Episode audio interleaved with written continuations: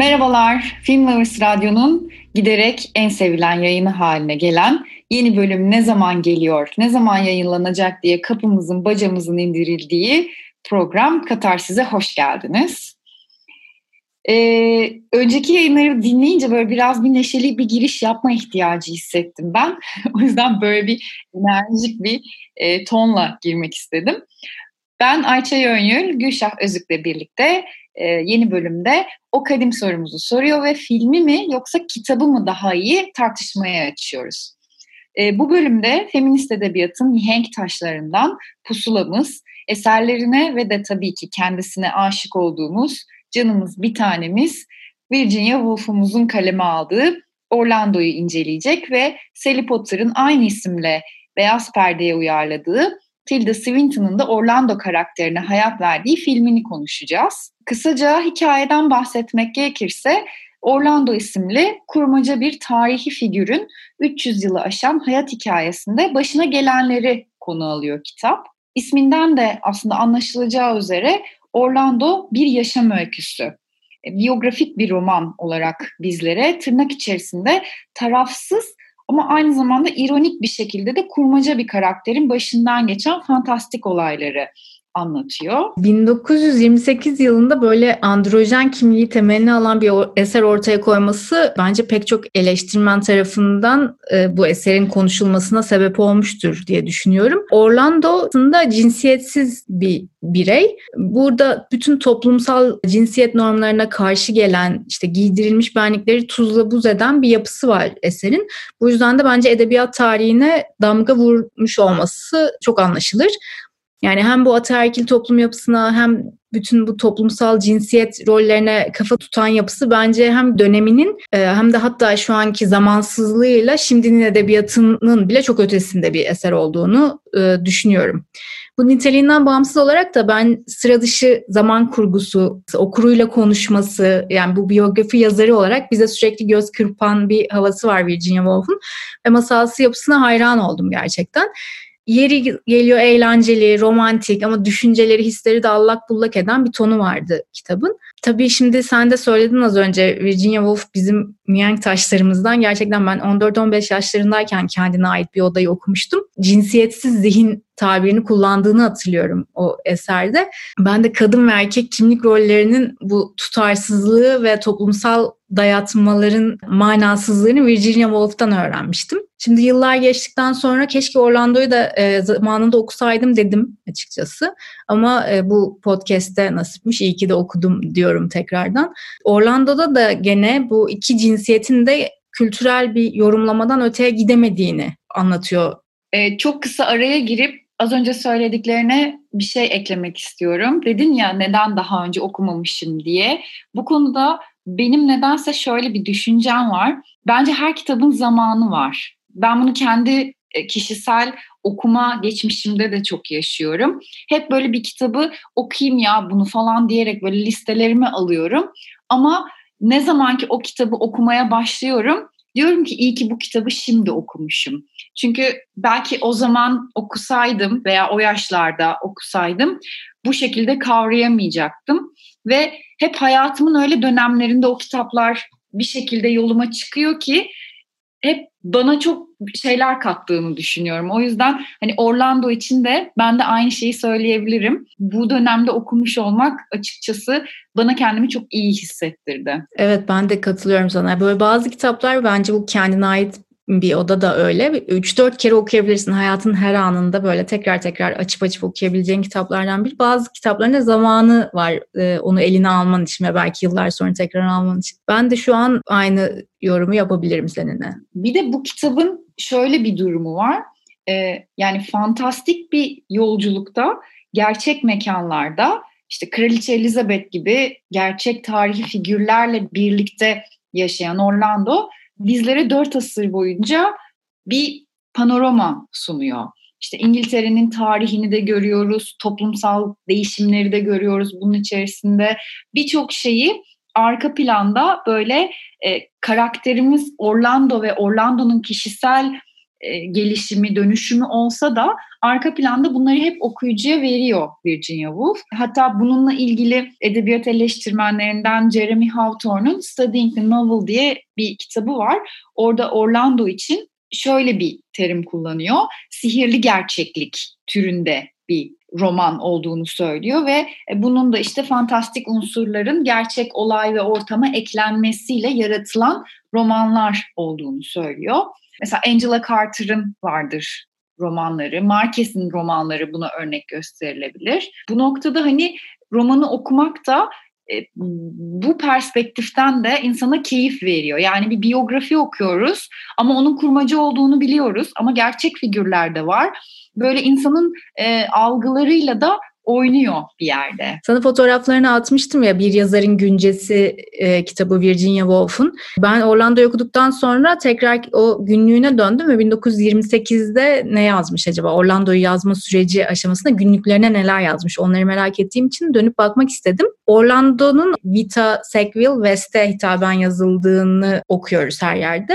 E, onunla ilgili birkaç paragraf var onları okumak istiyorum. Orlando 1928'de yazılıyor. Günlüğünde 18 Eylül 1927 yılında şöyle bir notu var Virginia Woolf'un. Vita ile tanışıyorlar vesaire. Sonrasında şöyle bir şey yazmış. Yaşadıkları zaman dilimi içinde kendi çağdaşlarının yaşam öykülerini anlatmanın bir yolu olmalı. Çok eğlenceli bir kitap çıkabilir. Sorun nasıl yapacağım? Vita Orlando olmalı. Soylu bir delikanlı. Birkaç gün sonra da şöyle yazıyor. 1500 ee, yılında başlayan, günümüze gelen Orlando adında birinin yaşam öyküsü.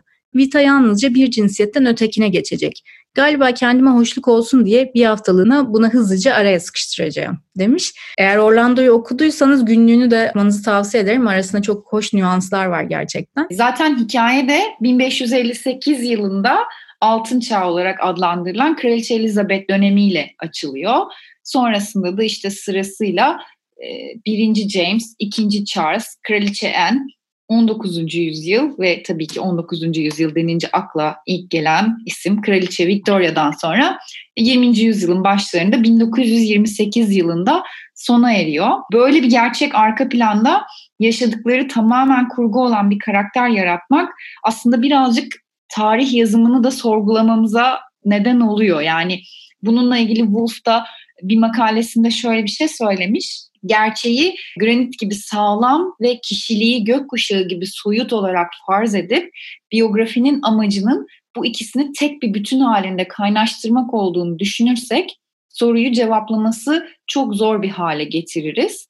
Böylece de biyografi yazarlarının bunu cevaplayıp cevaplamamakta başarısız olup olmadıklarını merak etmemize gerek kalmaz. Burada aslında kastettiği şey de hayal gücü ve gerçek birbirine karışmaz, ayrı kavramlar değildir diyor. Elbette yani hayal ettiğimiz her şey kaynağını içinde bulunduğumuz gerçeklikten alıyor. İçsel ve dışsal olan gibi gerçek ve hayal gücü de e, birbiriyle hafızalarımızda bağlanmıştır. Fakat tarih yazımı olarak kastedilen şey birazcık Wolf'un gözünde zaman algısına kayıyor. Yani en azından ben okurken öyle yorumladım.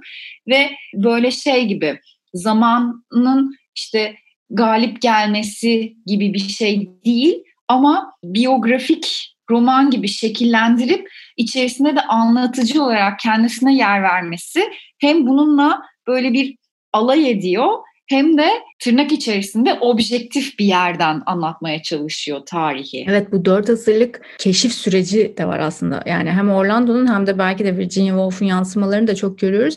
Orada böyle cinsiyetin, zamanın, yaşlanmanın hiçbir anlamı olmadığı bir dünya yaratmış bence kimliğin, benliğin üzerine maddeyi bir kenara koymuş ve hiçbir önemi olmadığını vurgulamış. Onun dışında da ben ne yapmak istiyorum?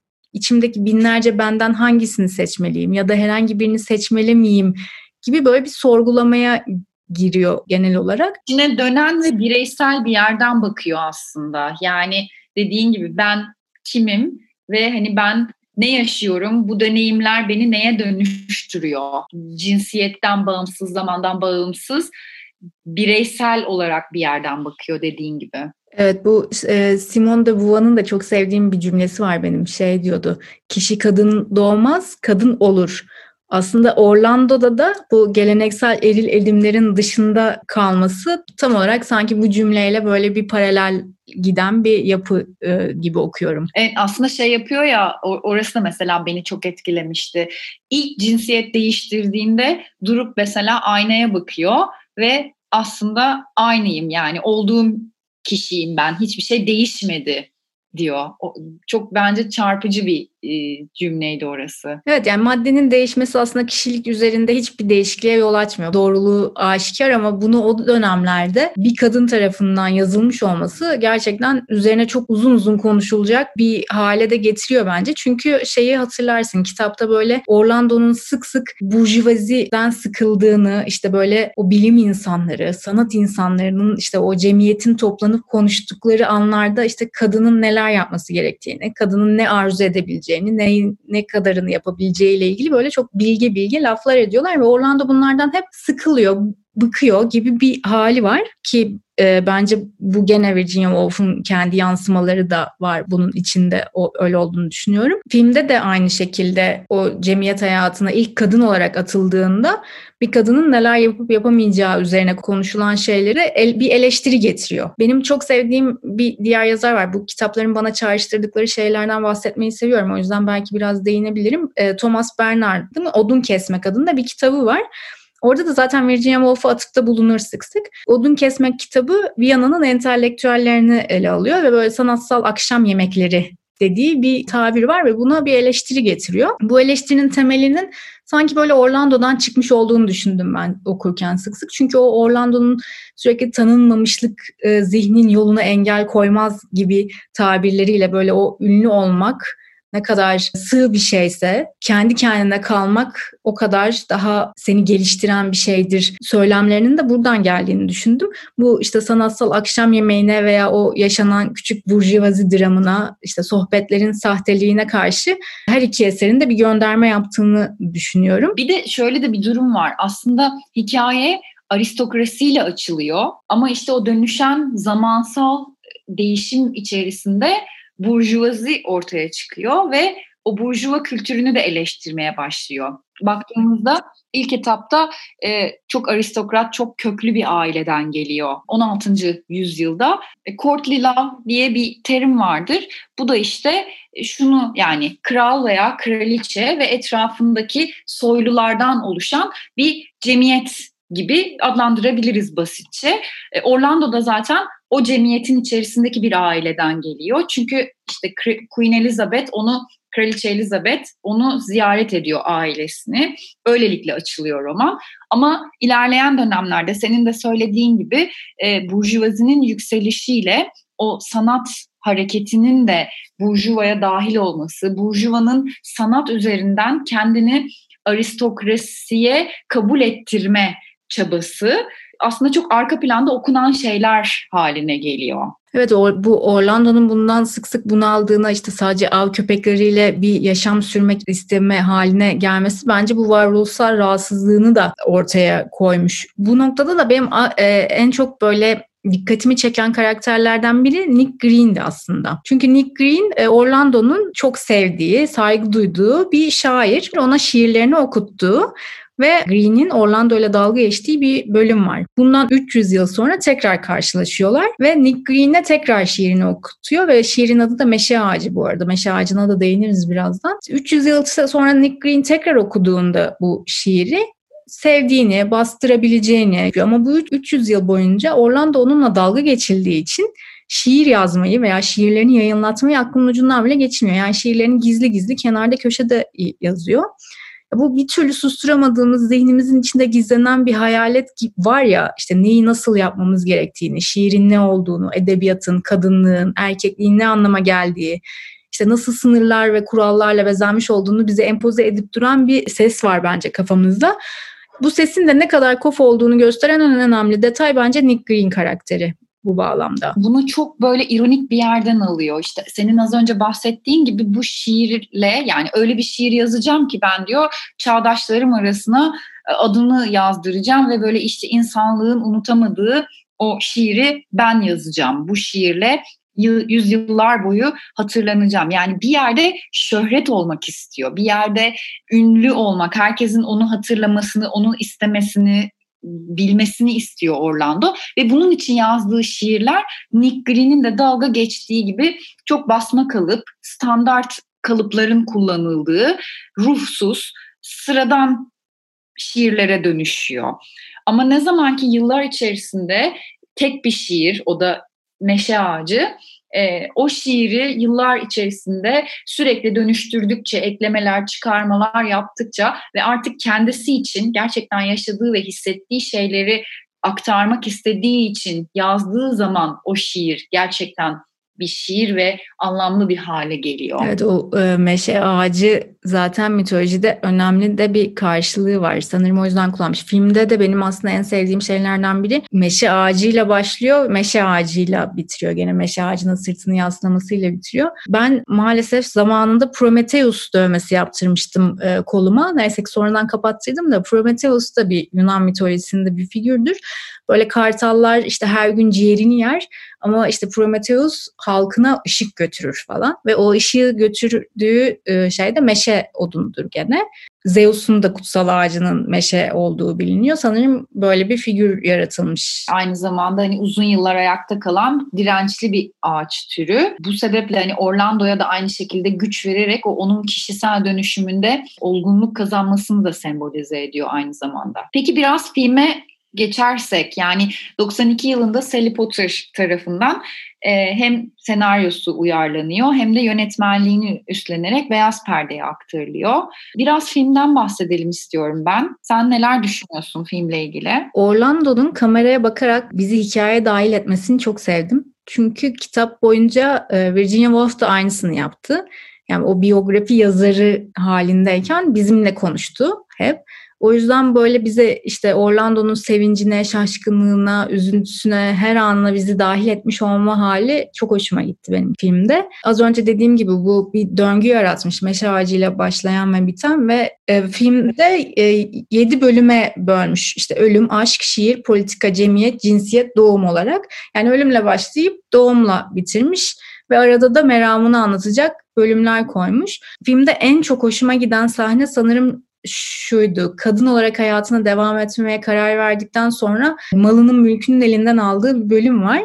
Ve orada işte bir tane erkek kahramanımız işte kurtarıcı e, rolüne bürünüyor ve işte Orlando'nun önünde eğilerek ne olursan ol benimle olabilirsin diyor ve bunların hepsini elinin tersiyle itip bir labirentte koşmaya başlıyor Orlando o labirentte sürekli koşarken elbisesinin değişmesi vesaire de çok hoşuma gitti. Ve en sonunda o labirentten çıkıyor ve bomboş bir arazide sanki özgürlüğüne kavuşmuş gibi. Yani o yalnızlığının gücüyle kendisi birey olarak başarmasının gücüyle özgürlüğüne ko- koşuyor. Bunu bence kitabın ana meramını alıp filmde sadece böyle belki de bir sahneyle bile anlatmış olması benim çok hoşuma gitti. Bir de toprağa sarılıp ben hani doğanın geliniyim, ben hani topraktan geliyorum, toprağın parçasıyım gibi bir tekst vardı orada. Orası da kesinlikle çok etkileyici sahnelerden birisiydi. Orlando rolünde tabii Tilda Swinton'ı izlemek başlı başına bir keyif. Swinton hem bir kadını hem de bir erkeği canlandırırken e, aslında kendi atanmış cinsiyetinden bağımsız bir karaktere dönüşüyor. Tabii dönemin kostümlerindeki abartılı şaşanın etkisi ve Swinton'ın da oyunculuğu sayesinde tıpkı yani Orlando'nun o cinsiyet değişiminde yaşadığı kabullenişi biz de izleyici olarak yaşıyoruz ve bunu hiç yadırgamıyoruz. Yani öyle sahneler vardı ki böyle bir durup şey diyoruz. Şimdi kadın mı erkek mi? Çünkü dönem olarak zaten böyle o kadar şaşalı işte uzun o peruklar, e, fırfırlı ceketler, işte fiyonklu, taşlı ayakkabılar yani anlam veremiyoruz hani bu hangi şey acaba falan gibi böyle. Dediğim gibi yani cinsiyet dönüşümündeki farklılığı da hiç yadırgamıyoruz. Gayet devam ediyor ve hani bu bilinçli tercihi filmde bu akışkanlığa ciddi katkılar sağlıyor yani Sally Potter'ın. Ek olarak ben Kraliçe Elizabeth rolünde Quentin Crisp'i izlemek de bence çok dahiyane bir dokunuş olmuş. Yani bir erkeği bir kadın oynatıyor, bir kadını bir erkek oynatıyor ve şey yapıyor yani o cinsiyet tabularını tamamen yıkıyor bunu yaparken. Evet bu arada uyanıp kadın olduğunda ilk kendine aynaya baktığı andan bahsetmiştik ya o Venüs'ün doğuşu tablosuna bir gönderme yapılmış gibiydi orada bu Ufizi'de sergilenen tabloya. Bir onu gördüm bir de e, aslında tam olarak anlamlandıramadığım ama Meşe Ağacı'nın son filmde sırtını yasladığında bir e, varlığın e, havada uçtuğunu görüyoruz. Belki sen onun ne olduğunu e, anlayabilmişsindir. Ben tam anlayamadım. Ben onu şey olarak yorumladım. Yani o kitabın fantastik biyografi tarzında olmasını o son sahneyle veriyor. Yani biz o absürtlüğü yani kitaptaki nasıl söyleyeyim absürt ve alaycı yaklaşımı en sonunda kafasını gökyüzüne kaldırıp o aslında ilham perisi gibi ben onu yorumladım. Ee, ona orada o şekilde şarkı söylemesi e, kitaba bir gönderme yapıyor gibi ben düşündüm açıkçası filmi izlerken. Benim bu arada hani e, ben hep şey net bir şekilde kitap film gibi konuşuyoruz ama burada zaten kitabın döneminin ve yaptığı o belki devrimsel diyebileceğimiz hareketin önüne bir filmin geçebileceğine inancım yok ama onun yanı sıra şey düşünüyorum o yapıyı çok güzel anlamış ve çok tatlı aktarmış. Yani o o masal izliyormuşsun gibi de fantastik bir şey izliyorsun gibi de bazen böyle o buzlar kırılıyor ve işte buzda koşmaya başladıkları anlar bir oyun gibi de bir yandan. O yüzden bence güzel, çok da başarılı bir uyarlama olmuş. Evet yani Wolf'un anlatmak istediklerini özümseyerek yani onun kitapta yarattığı katmanlı anlatıyı beyaz perdede biraz daha sadeleştirerek daha sinema diline uyarlamış. Yani 230 sayfalık bir anlatıyı aslında daha nasıl söyleyeyim başarılı bir şekilde bir buçuk saatlik bir görsel formata transfer etmiş. Bu sebeple ben filmi ve kitabını kendi mediumları içerisinde değerlendirme gerekliliği olduğunu düşünüyorum. Ya yani bundan önceki yayınlarımızda kitabı mı daha iyi, filmi mi daha iyi diye hep tartıştık ama burada e, edebiyat alanında başka bir eser var ve sinema alanında başka bir yani iki farklı disiplin üzerinde iki farklı eser izliyoruz ve okuyoruz. E, bu yüzden de hani e, ben ayrı ayrı ikisini değerlendirmeyi doğru buluyorum. Ee, bazen yorumlar geliyor işte hani böyle bir karşılaştırma olamaz. Tabii ki aslında böyle net çizgilerle bir karşılaştırma asla yapmıyoruz. Sadece hissettirdiği şeyler vardır. Yani bir kitabı okurken kokusunu alabilirsiniz ortamın ya da işte bir kitabı okurken orada ki kuş sesini gerçekten duyuyormuşsunuz gibi hissedebilirsiniz. Böyle bütün bu işitsel, e, tatsal, duyusal her şeyi verebilir bir kitap size. Böyle keskin çizgilerle işte kitap çok iyi, film çok kötü gibi bir yerden yapmıyoruz asla. Ama böyle bize hangisi daha tatlı geldi, hangisi daha çok içimize dokundu ve bunun sebeplerini açıklamaya çalışıyoruz. Filmde şey çok iyi değil miydi? Kitap 1928'de Virginia Woolf'un yaşadığı dönemde bitiyor. Kendi döneminde bitiyor oluyor. Filmde Orlando'yu kendi yaşadığı dönem 90'lara kadar taşıyor. Yani 300 yıldan da fazla aslında bir süreç yaratıyor ve kendi kurgusal dünyasında 90'larda yaşayan bir Orlando görüyoruz biz. Bir uyarlama için gerçekten çok e, zekice bir yorumlama olmuş. Ben de çok çok keyif aldım. Gerçekten böyle tüylerim diken diken oldu diyebilirim. Peki o zaman kadim sorumuza gelirsek sence e, kitabı mı yoksa filmi mi daha iyiydi? İlk bu podcast'i kaydetmek e, istediğimizde seninle konuşurken Virginia Woolf benim idolüm demiştim. Gerçekten de öyle. Yani çok erken yaşta tanıştım onunla ve bu açıdan da çok mutluyum. Bir yazarın güncesi kitabını da aslında herkesin de okumasını tavsiye ederim. Hatta kendine ait bir ve hatta dalgalar her hep bütün kitaplar için aynı şeyi düşünüyorum. O yüzden kitabı diyeceğim. Yani bütün o az önce söylediğim her şey bir yana gene burada kitap tercihim. Ben de aslında az önce bu sorunun cevabını verdiğimi düşünüyorum. Yani ikisini ayrı şeyler olarak değerlendirmemiz gerektiğini düşünüyorum. E, fakat yine senin de az önce bahsettiğin gibi ikisini de okuduktan ve izledikten sonra bizde bıraktığı duyguları birazcık biz karşılaştırıyoruz bu programda. Ben de yani söz konusu Virginia Woolf olunca üzgünüm Sally Potter. ben de kitabını tercih ediyorum. Çünkü e, çok daha kapsamlı tabii ki hissettiriyor, düşündürüyor. Daha e, farklı bir dünyanın kapısını aralıyor. O yüzden zaten yani uyarlaması da bence zor bir yazar Virginia Woolf. Çünkü o bilinç akışı tekniğiyle yazıyor ve daha içsel bir yerden yapıyor e, bunu. Dolayısıyla hani görsel bir tarafta onu yansıtmak, o duyguyu vermek çok daha zorlu bir süreç oluyor. Ben de Orlando'nun kitabını, Virginia Woolf'u tercih ediyorum bu yayınımızda. Evet bir bölümümüzün daha sonuna geldik diyebiliriz o zaman. Ee, bizi dinlediğiniz için teşekkürler. Görüşmek üzere. Teşekkür ederiz bizi dinlediğiniz için.